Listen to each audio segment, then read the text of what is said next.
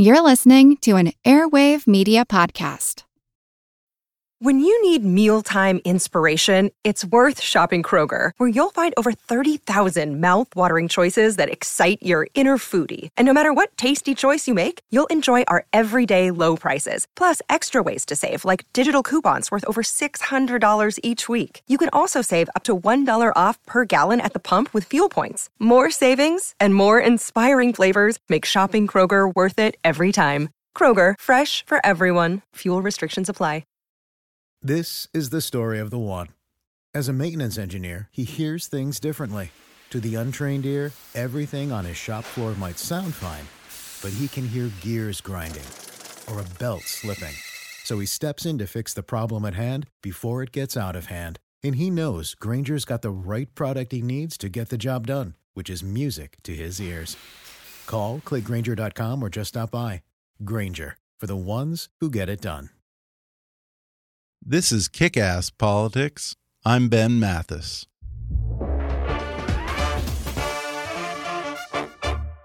Hey, folks, before we start the show, I have a very important favor to ask of you. If you like what I've been doing here on Kick Ass Politics, then nominate us for the 2016 Podcast Awards. Just go to podcastawards.com and nominate Kick Ass Politics in the People's Choice category and the News and Politics category. And if you want to go the extra mile, then encourage your friends to vote for us on your social media and share your support on Twitter by tagging at Podcast Awards and using the hashtag PCA16. But hey, even if you can't do all that extra stuff, just take 30 to 60 seconds of your time to go to podcastawards.com right now and nominate Kickass Politics for the 2016 Podcast Awards. You'll have to hurry though, because the deadline is this Saturday, April 30th. So go right now to podcastawards.com and show your support. It'll be a huge favor to me, and you'll be helping to take the show to the next level. Thanks again for continuing to listen, and now enjoy the podcast.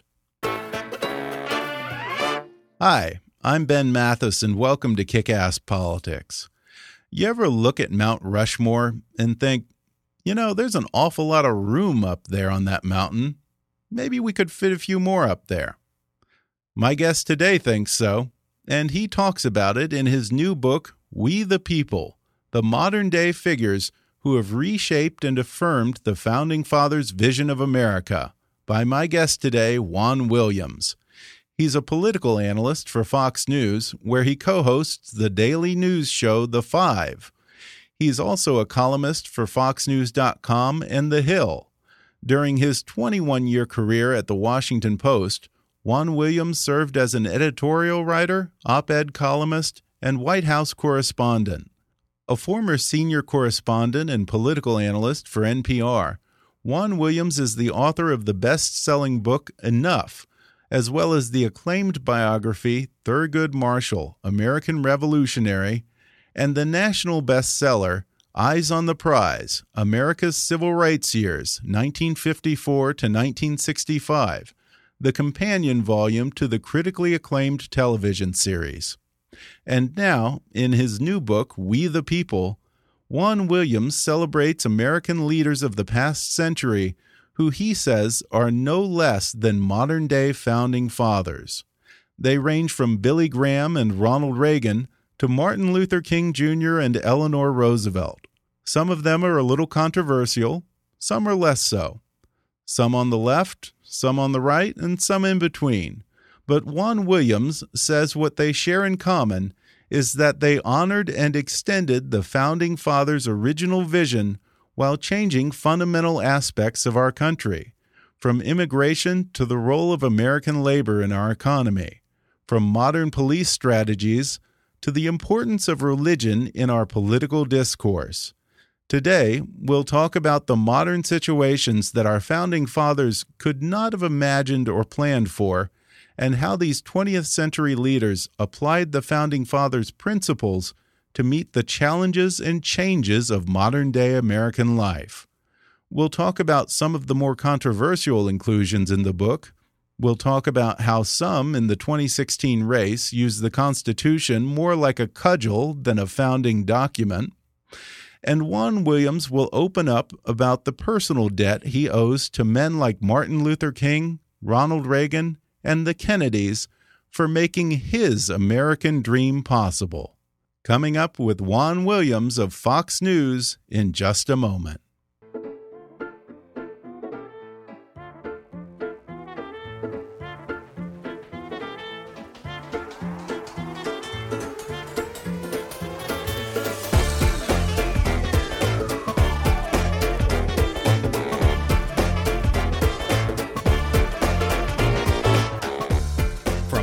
To Washington, it's time for Kick Ass Politics.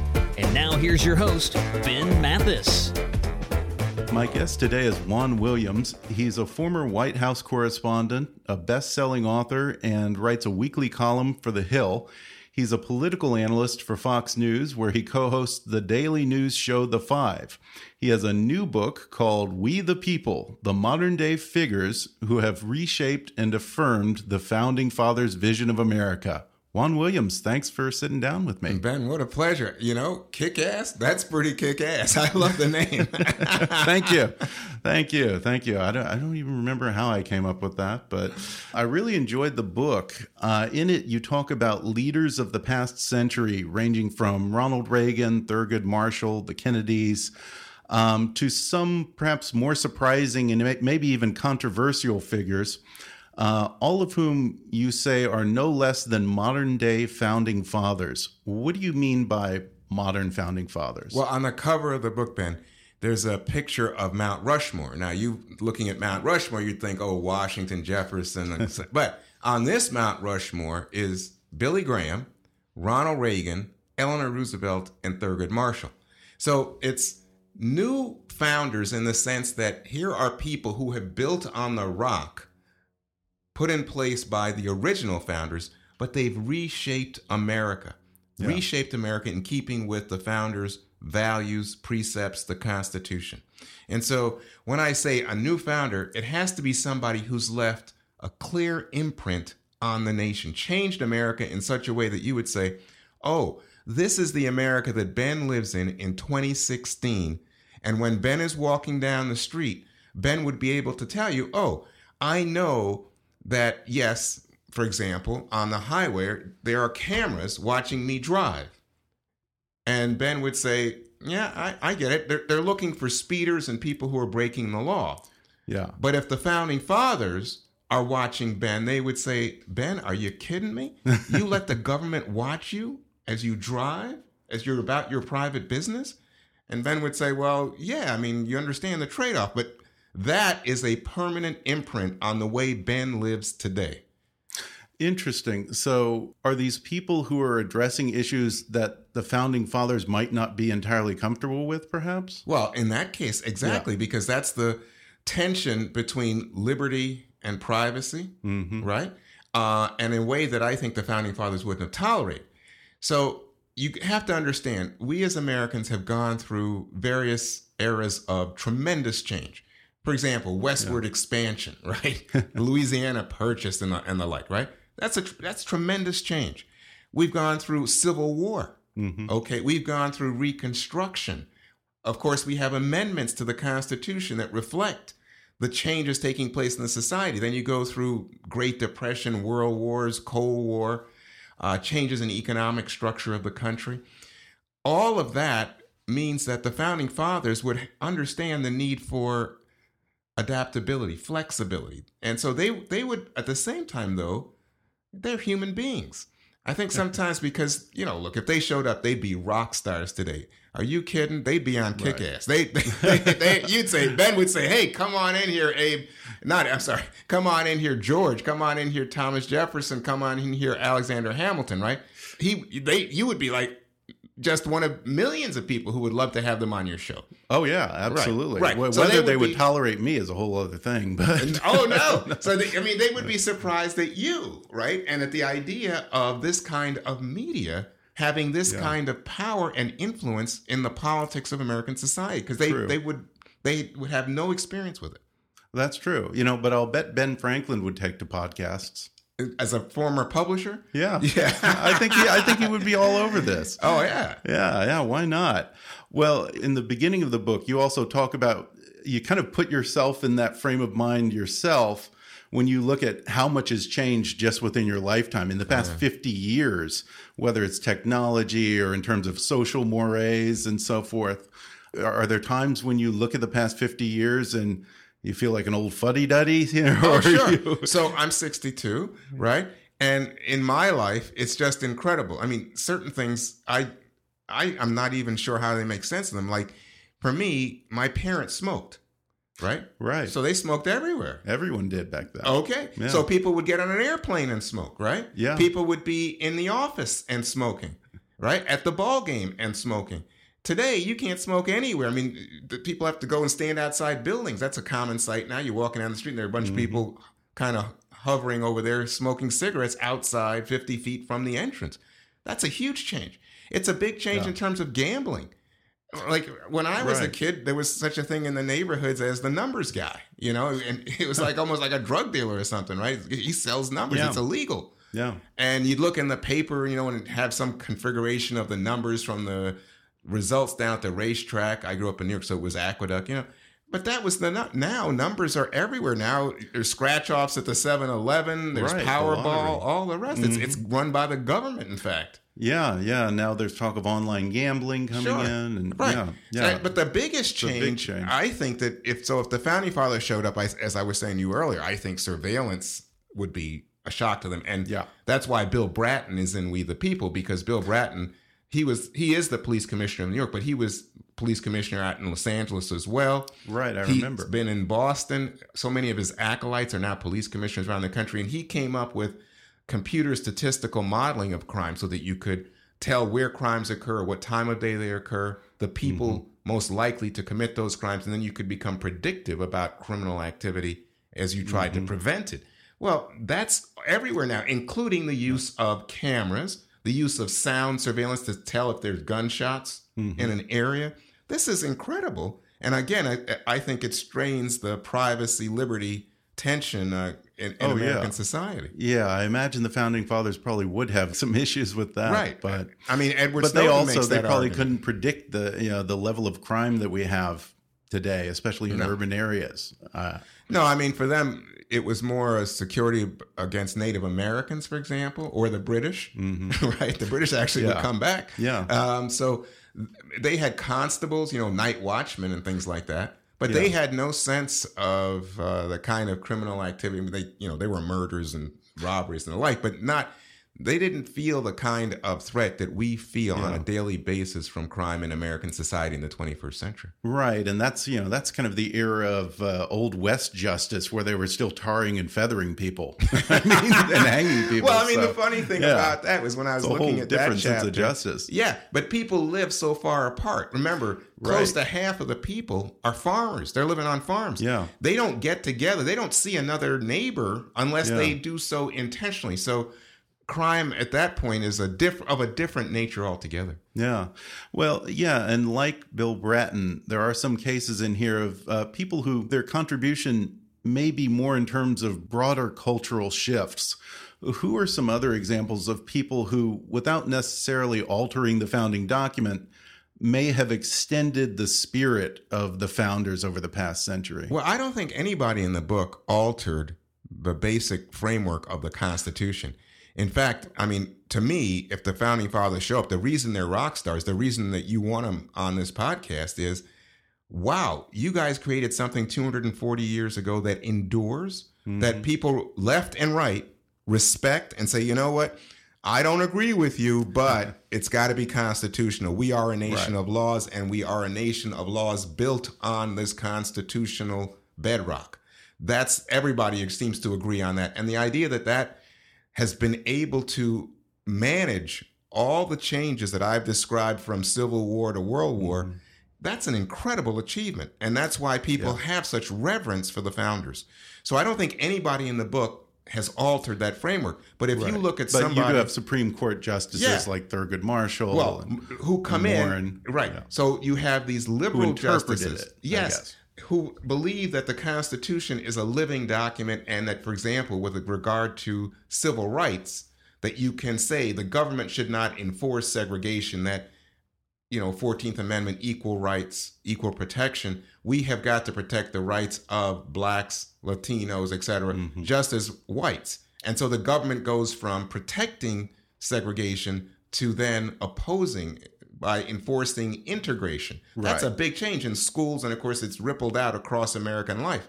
And it's also another chapter of the book then generated a response, which is mm-hmm. Ronald Reagan and Ed Meese. Right. Because they come along and they say too many of these judges now are finding new rights and privileges in the Constitution. They mm-hmm. are not simply seeing the spirit of the Constitution, they are bending it. Mm-hmm. They are bending it, and we think it's unrecognizable. When Justice Scalia, uh, just shortly before he died, wrote a dissent in the gay rights case, he said, You liberal justices, you the majority ruling on this case, are finding rights for gay people that were that are that's not articulated in the Constitution and that nobody has found for centuries. You're creating new rights. So for him, this was a distortion. For Ronald Reagan, for Ed Meese, people who are advocates of limited government and trying to push back against government intrusion in our everyday lives, they see these activist judges as a threat, unelected legislators from the bench. Mm-hmm. And so they say, let's cut that back. So you have not only a Justice Scalia, but remember the huge arguments over Robert Bork. Right. Oh, yeah. yeah. And so he's there. So because these are all Reagan these people. Uh, so, I mean, you just stop and think about people like Chief Justice Roberts, Clarence Thomas, Alito. These, these they all come out of that period and mm-hmm. that mindset. And the idea is we're going to put people on the bench who are going to get back to a strict reading, strict interpretation of the Constitution as it was written, an originalist understanding in, in the spirit of limited government. So that's the response. So again, you have the Thurgood Marshall, the you know, Earl Warren Wing, they've made an imprint on the way that we live today. And then you have people like uh, President Reagan, Ed Meese, and the judges that they have appointed who are pushing back, and they've made an imprint on the way that Ben lives as he walks around in America in 2016. Yeah, and as I was reading it, I was trying to divine where you fall on this because you you do have great reverence for the founding fathers and the Constitution, but you also embrace change or, or, or evolution, let's call it. Um, so where do you fall? Are you a constitutional originalist or do you believe in the quote unquote living, breathing document? Well, I think it's both. Philosophy. So to me, it's like steel. It's like hmm. steel in the sense that steel provides the skeleton, the structure, and it's strong enough to hold in the midst of storm. But in the midst of storm, I don't know if you realize this, but steel has the capacity to bend to some extent, mm-hmm. to sway. I think of the Constitution as that kind of structure.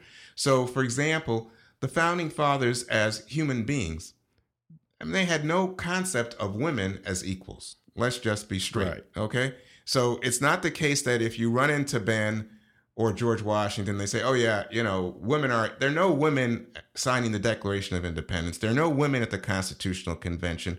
Women could not own property in their day. Women could not vote. So let's just be, you know, I mean, that's just direct. Okay. So they show up today and Ben says, you know, I'm trying to get Hillary Clinton on kick ass. And they say, why do you want her? And say, oh, she's the leading Democratic candidate right now for the presidency. So they'd be like, are you kidding? What? A woman? What are you talking about? Yeah. You'd say, women? Well, no. In fact, you know, women are now like and if you're selling consumer products, women often make decisions about family right. budgets and the like. Women right. are the majority in college, the majority right. in graduate school.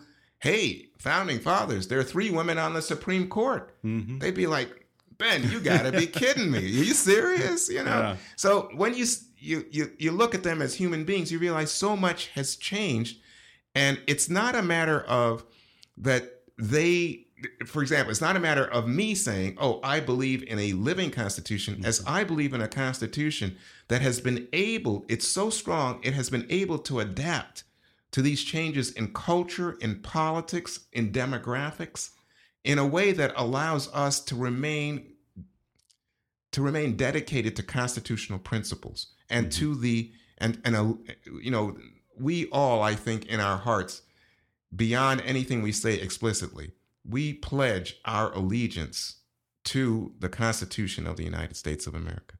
You know, the book includes a, a wide range of disparate personalities from Barry Goldwater and Charlton Heston to Daniel Patrick Moynihan, Ted Kennedy. I have to assume that there are some in here with whom you perhaps disagree politically. Well, you know, the one that I have the most. I mean, they're, they're so contradictory in some sense. There must right. be. right. Oh, absolutely. But the one that the one that gives me the most trouble is Milton Friedman, the conservative economist. yeah. So Milton Friedman's theory, I think, is summed up in a short story I tell at the end of the chapter on Milton Friedman. So Milton Friedman is confronted by someone who today I would think of as a Bernie Sanders supporter. And this Bernie Sanders young person says, You know, I really don't like you, Milton Friedman, because you're telling corporations that their only responsibility is to make money for the shareholders. You're not paying attention to the workers, the people who, I mean, he's opposed to unions, right? Right. He's not paying attention to consumers. He says, well, if consumers don't like what we're doing, they can make choices, go elsewhere. What you're focused on is make the most money. And so the Bernie Sanders supporter would say, this is what we're talking about when we talk about income inequality mm-hmm. that results from corporations that are only responsive to Wall Street and Wall Street imperatives and that only respond to executives who create highly profitable corporations and high level of pay that's way out of keeping, you know, the top employee and the bottom employee. And we see all that. And in response to this, Milton Friedman says, you know, you and I want the same things for America. We want prosperity, community, opportunity, options in terms of where we educate our children, all the like. He says, but the difference between you and me, Bernie Sanders supporter, is that I know how to do it and you don't. And the way to do it is capitalism. And you yeah. can't put you can't put in place limits on people who are pursuing ideas, creating people who are looking to make money for themselves and for their families. Yeah. That's wrong. So to me, that was like, wow. Milton Friedman's not shying away from the argument. Even mm-hmm. as I might have, you know, you said, do I disagree? I would think, boy, Milton Friedman, you are harsh. I mean, he was opposed at a time when we yeah. had a military draft. He was opposed to the draft. He's a libertarian in that sense. Yeah. He he had no problem with marijuana, right? He's a libertarian yeah. in that sense. So it's like he's out there in the jungle. It's each man for himself. you live as you please. Right. And, and, he doesn't want government to get in your way. So at some point, I'd say, wow, Milton Friedman, you are really not one for putting any kind of regulators, moderation on the human instinct, the capitalistic instinct. But I understand what you're doing. It's just sometimes I disagree with you. I just find it a little bit much for me. So what then why did you include him in here?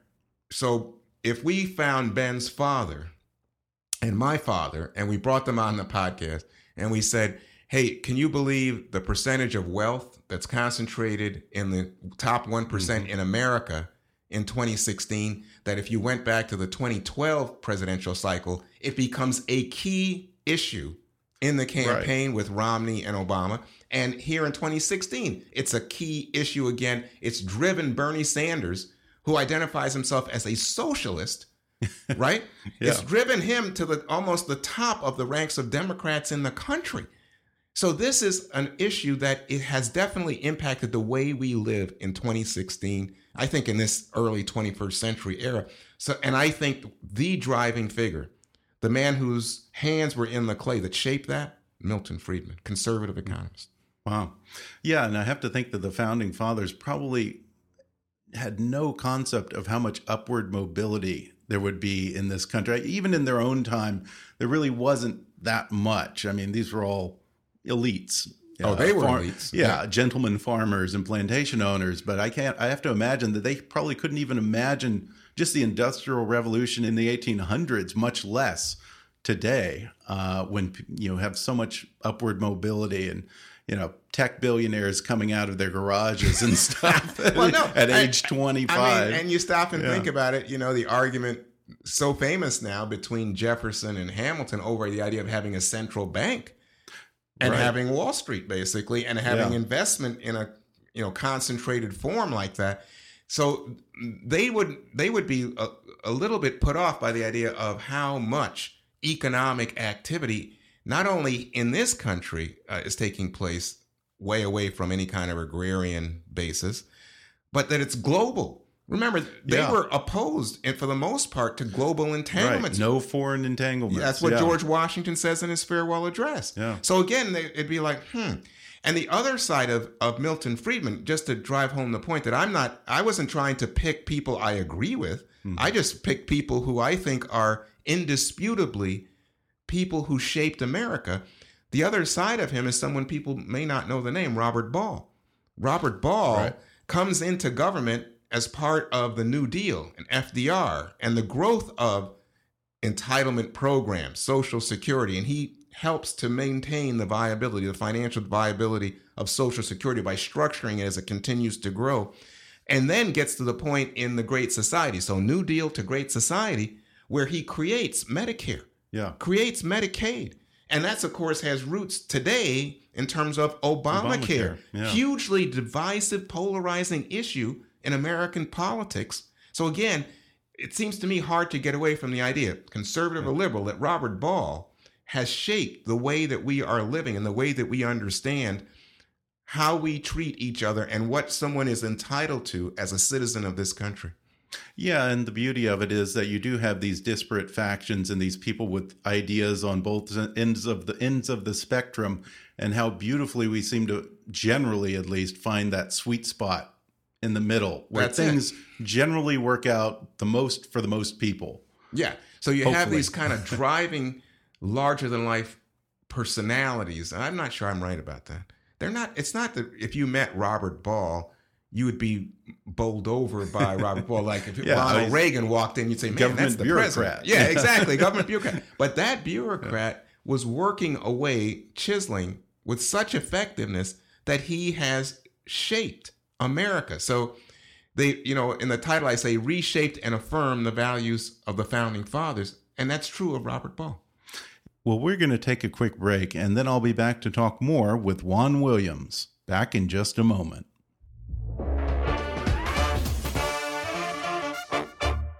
Hey, folks, do you like reading, but you find it's getting harder and harder to make time to curl up with a good book? Well, there's a solution. Give audiobooks a try from audible.com. They're perfect for your commute to work, or exercising at the gym, a relaxing bath, or any time really. And right now, you can take an audiobook out for a spin with a special promotion just for our listeners from audible.com.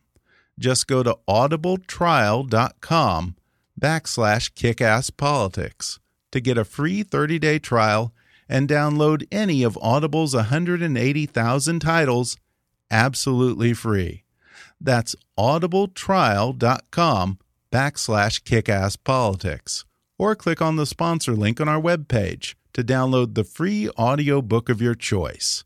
And now, back to the show. We're back, and today I'm talking with Juan Williams of Fox News. He has a new book called We the People The Modern Day Figures Who Have Reshaped and Affirmed the Founding Fathers' Vision of America. So, Juan, other names that come up in this book, two that struck me, one I was familiar with, one I wasn't, um, were Robert Moses, who uh, you credit with uh, creating the modern city. He was, I guess, what was he, the city planner For of New York New City. York City. And William Levitt, who I wasn't familiar with, who you say founded the modern suburb. Yeah. What elevates these two contradictory men to the level of modern day founding fathers? Well, remember, Ben, when you think about how we live in America today, we live typically in big cities. Obviously, founding fathers did not live Increasingly in more so. Yeah. Oh my gosh. Not only do we live in big cities, we live in big cities that are tied into suburbs, Mm-hmm. right? Into metropolitan areas, as the census calls it, you know, standard metropolitan Yeah. statistical area. And the connections between them, highways, highways, parkways, then uh, transit systems. That's what. That's how we live, and that's how we Yeah. understand how. Where do you work? Where do you live? Where do you play? Well, that's put in place in large part by Robert Moses in terms of building highway access into big cities. Actually, Right. He what- saw the car coming. Yes. Yeah. And what was interesting about him was, you know, in 2016, we think of the car and the highway as a way to get into the big city where the tall office buildings are, where people work, right? Yeah. The, the economic centers of the region. but he was building them to get people out. He was building them so that the wealthy could remain in the city during the week, but know that they could get out to the beaches and the parks for recreation on the weekends. Well, here comes Bill Levitt. Bill Levitt comes in after World War II, and his dream is a nice big house with a yard and all the rest. Realizes you can do that by building outside the cities, and he creates suburbia outside of New York, Levittown and the like. And those people use those highways that Moses was creating to take folks out of the city into the city. So now you have workers, not the elite, but workers who find that they can have and afford the suburban house with the yard and then drive in to work and then drive back home. So it has nothing, I mean, it's a different. Yeah. And now we're at the point of gentrification in 2016 where Right. so many people drive into the city to play on the weekend, right? Yeah, that's where that's they go to the, the theater or the concert or the ball game. Yeah, and you know, I, I remember Robert Moses was kind of a controversial figure because he Oh, yeah. really was he was really pushing the automobile in urban areas, and uh, you know he was trying to do things like put a highway through a Washington Square park in New York in Greenwich Village. And I think it, for sports fans listening to uh, Kick Ass, let me just tell you this: he's the guy that is behind the decision made by the Brooklyn Dodgers to move to L.A. Really? Yeah, because he, Okay, so we the- have the- him to thank for the- that, yes, indeed. or, or or not. well, it depends on how they're doing. Yeah. But the, but he opposed the idea of moving the Brooklyn Dodger Stadium, Ebbets Field, down to another area of Brooklyn where he envisioned as a transit hub. He said, you know, you got to move out to Queens, and he had this idea of a World's Fair site in the ballpark, which is where Shea Stadium is now.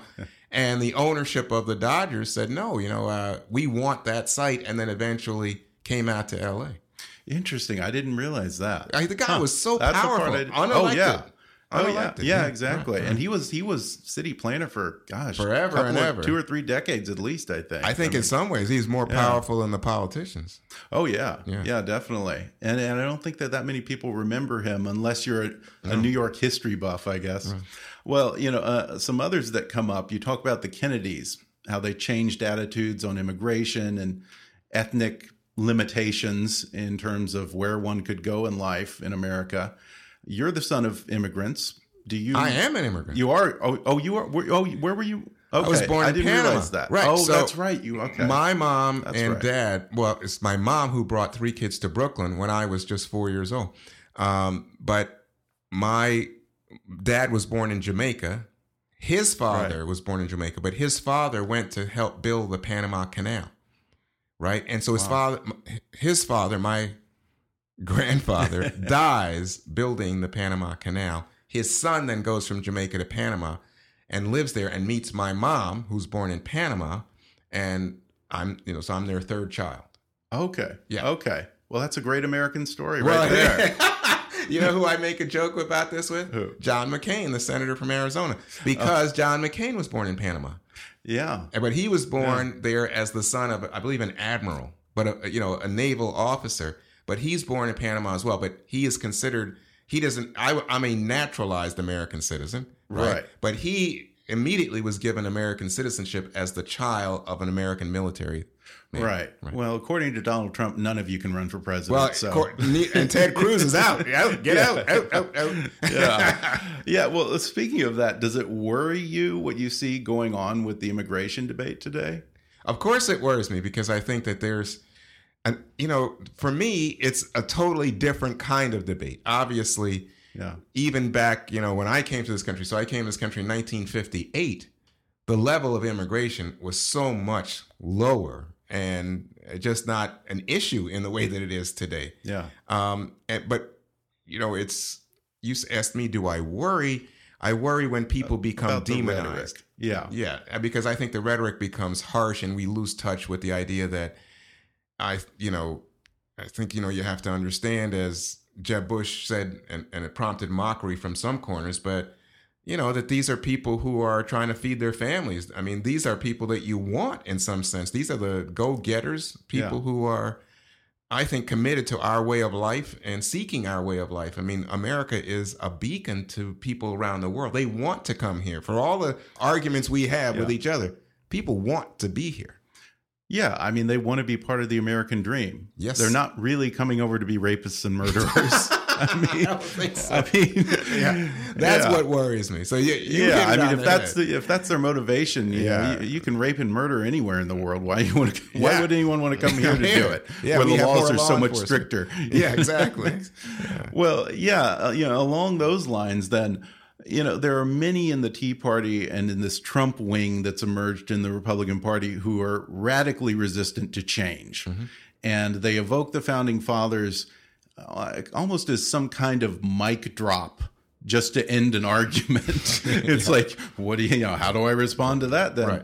So I'm curious, do you think that some in that wing either mis misunderstand or misrepresent or misinterpret the intent and the spirit of the founding fathers? Huh. Well, I'll tell you this much. It's clear to me that they misinterpret the idea that the founding fathers are human beings and fallible. Hmm. And they, in other words, we all love the founding fathers. As I say, I think they, if they showed up, they'd be rock stars in every corner, and everybody try to claim them. It's like the flag, right? But when you have the politics of nostalgia, and I think that's what you see, people saying, "Make America great again." Well, what are you mm-hmm. talking about again? I happen to think America's pretty great right now, but they say again, and I think what they're talking about is a point at which you know there was more kind of pro-American pride. There was greater certainty about America's influence in global affairs. Uh, Donald Trump talks about winning in terms of trade deals and the like, and not feeling like, hey, what what are those Chinese doing? You know, uh, you know, on value of their currency and all the rest. Yeah. Are they cheating? Are those Chinese? You know, all that. Yeah. So make America great again. But part of that is what you're talking about is okay, so let's get back to the original founding fathers and the way that they viewed the world. Well, I think they're mistaken if you think that we could live as they were living in 1776 or 1789 when you have the Constitution put in place. I, do- I just think that that's that's too much to ask of a country that has is so greatly Yeah. different. Yeah. Yeah, and also, you know, they're so obsessed with trade. All trade is bad, it seems suddenly. And I mean, you know, from the very beginning, the very founding of the country, we would not have survived were it not for foreign trade. Absolutely. I mean, that's what got us where we are, even as early as the founding fathers. Oh, absolutely. And it, and it and it continues. I mean, the reason we develop in terms of global military presence is in large part to protect our ability to trade and to protect it against pirates and foreign interference in the idea that you Yeah. know what, well, not only do we uh, import goods, we send goods, we export Yeah. pretty aggressively. I mean, you think about right from the start, you know, the idea of the whiskey trade, you know, the sugar cane Right. for the cotton, and then back in terms of the mercantile goods. That's all us. That's Amer- That's Yeah. such a, the American story. That's how we grew. Yeah, I mean, we could not have survived on just being a consumer driven economy that bought its own goods. Not back then. No, no, no. you know, we weren't building enough houses to to have that big a demand for for our lumber and No. our natural resources right here. Not in any way. And so I think when people Yeah. do that nostalgia politics thing, I think you have to say, hey, founding fathers are pretty special and they they are deserving of our reverence. But it's not as if you can use them as a cover for you, the fact that you are so discomforted by the rate of change taking place in America today. Yeah. But you see this all over. I mean, you know, you said in terms of people on the right, but I see it even in terms of people on the left. At the start of the book, I said, you know, people say things like, I feel like a stranger in my own country. This is not the country I grew mm. up in. And you say, oh, so that's the conservative Republicans who say that. Huh? Wait a second, slow down. Look at the poll numbers. Hmm. Majority of black Americans say the same thing. Really? The same thing. Interesting. That the change is coming too quickly. And in the book, I, I cite this very, to me, maybe not to you, Ben, but to me, very interesting number, which is that uh, I don't know if you know who Buckminster Fuller, Ray Kurzweil, they're futurists. Right, Okay. right. And so they say, oh, yeah, you know, looking at the 20th century, 1900, 1999, if you look at the rate of change in that century and then compare it to what's going to go on in the 21st century, well, a hundred years of change in that century is going to be like 20,000 years of change in the 21st century. Jeez. So the rate of change is accelerating. And as it accelerates, it's not a matter of simply saying, oh, let's go back. It's more a matter of saying, we want to maintain our constitutional principles, our protection of individual liberties and rights as Americans. And we want to do that in such a way that holds to our founding fathers' effort. But it's we realize that we're going to be living in vastly different times. The challenge is upholding the founding fathers and what they have given us and not sacrificing it going forward in the midst of this tremendous turmoil that can come with change. Well, I'm curious. There are some people that you include in this book, like I said, who might be a little bit controversial, uh, particularly at Fox News, mm -hmm. where where you are. Uh, Harry Hay, who uh, founded the gay rights movement, like you said, Robert Ball pioneered Social Security, Rachel Carson, mm -hmm. who mm-hmm. was uh, kind of the founder of environmentalism, I guess, Silent Spring. Uh, have you had any of your colleagues at Fox uh, argue with you over your list? Oh yeah, because you know what? So people come to me and they say, you know, I'm kind of surprised by your book because I thought that you were just going to celebrate people you agreed with, people left of center uh-huh. that, that, would fit your. Because I at Fox, I'm the guy right. who's you the, are the one. Yeah, I'm the one left, left of center, center right? Guy, yeah. So okay, so and they say, but you know, here's Ronald Reagan, Ed Meese, right? Here are people who are strong conservatives in this book, but then you've also got like why do you have Rachel Carson? Right? like we had a we had a conversation about the twenty is it the twenty dollar bill or ten dollar bill that they're trying to change? Oh, is that Alexander Hamilton? I think the yes. ten dollar bill. Yeah. Okay, the ten dollar bill. So they were saying the, the effort is to get a woman on the currency. So they right. said, well, who would you put on there? And I said, well, you know, for my money, you'd have to look at Eleanor Roosevelt, but you'd also have to look at Rachel Carson.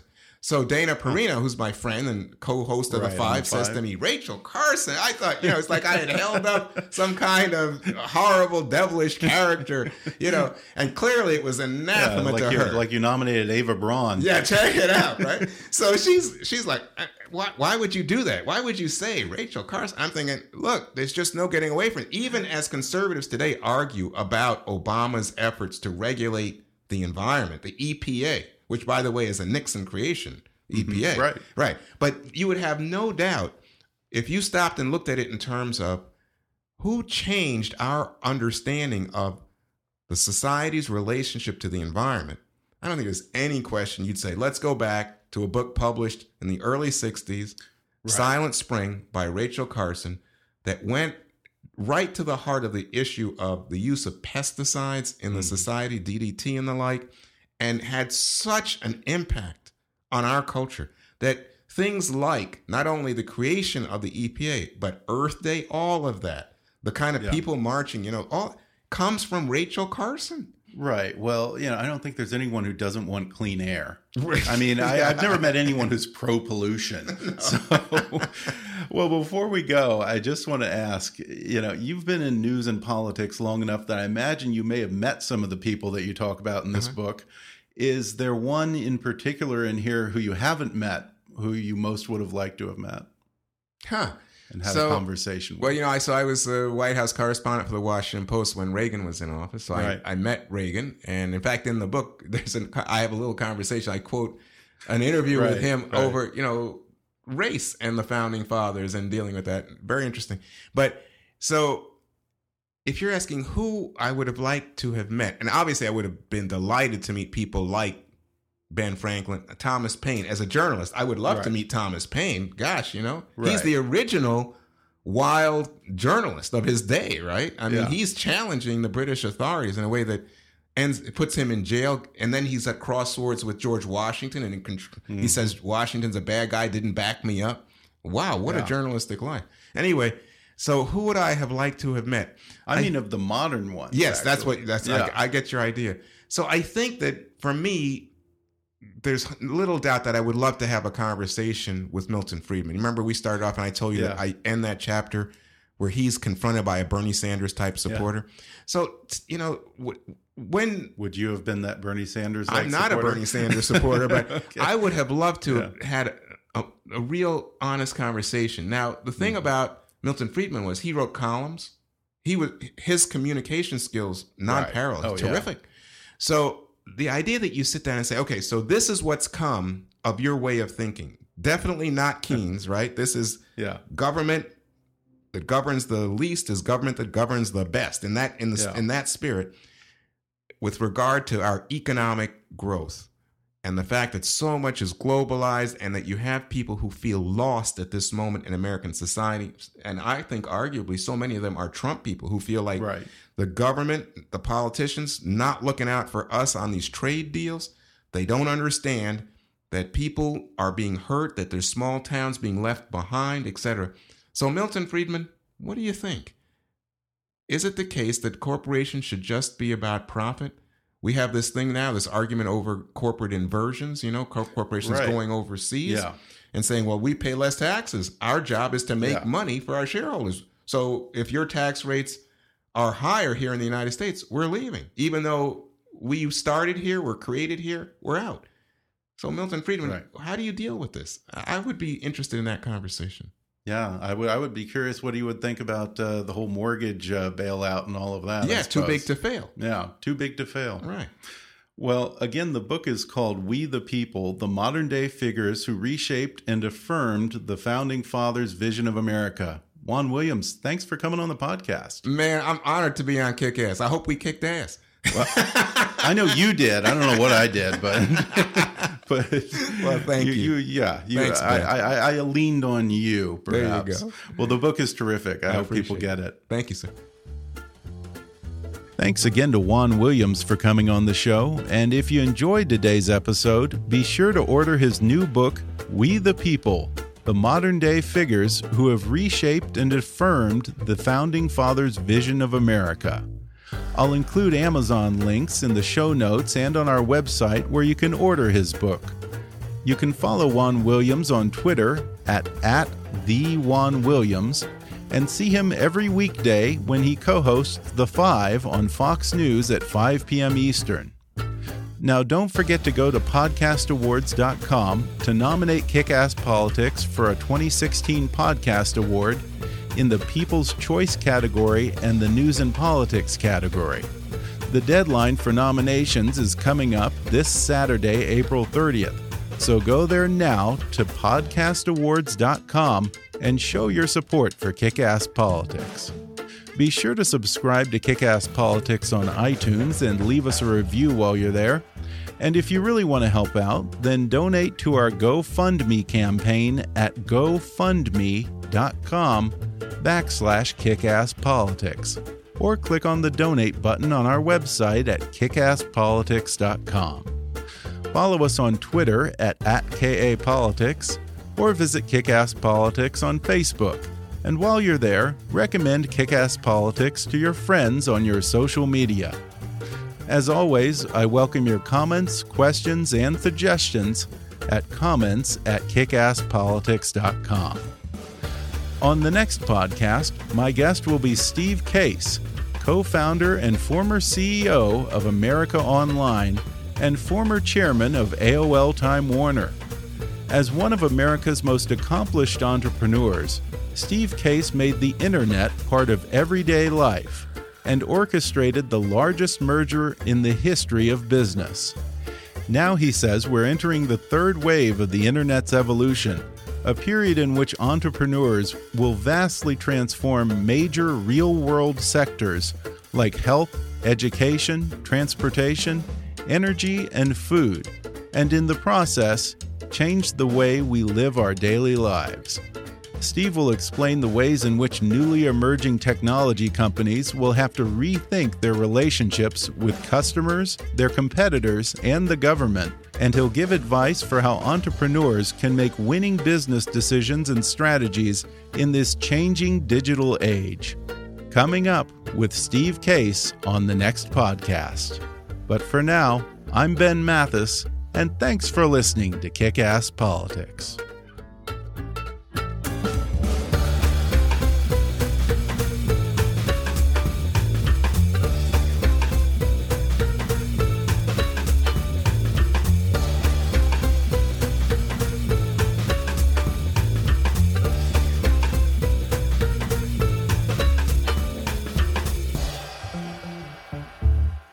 Kick Ass Politics is a trademark of Mathis Entertainment, Inc.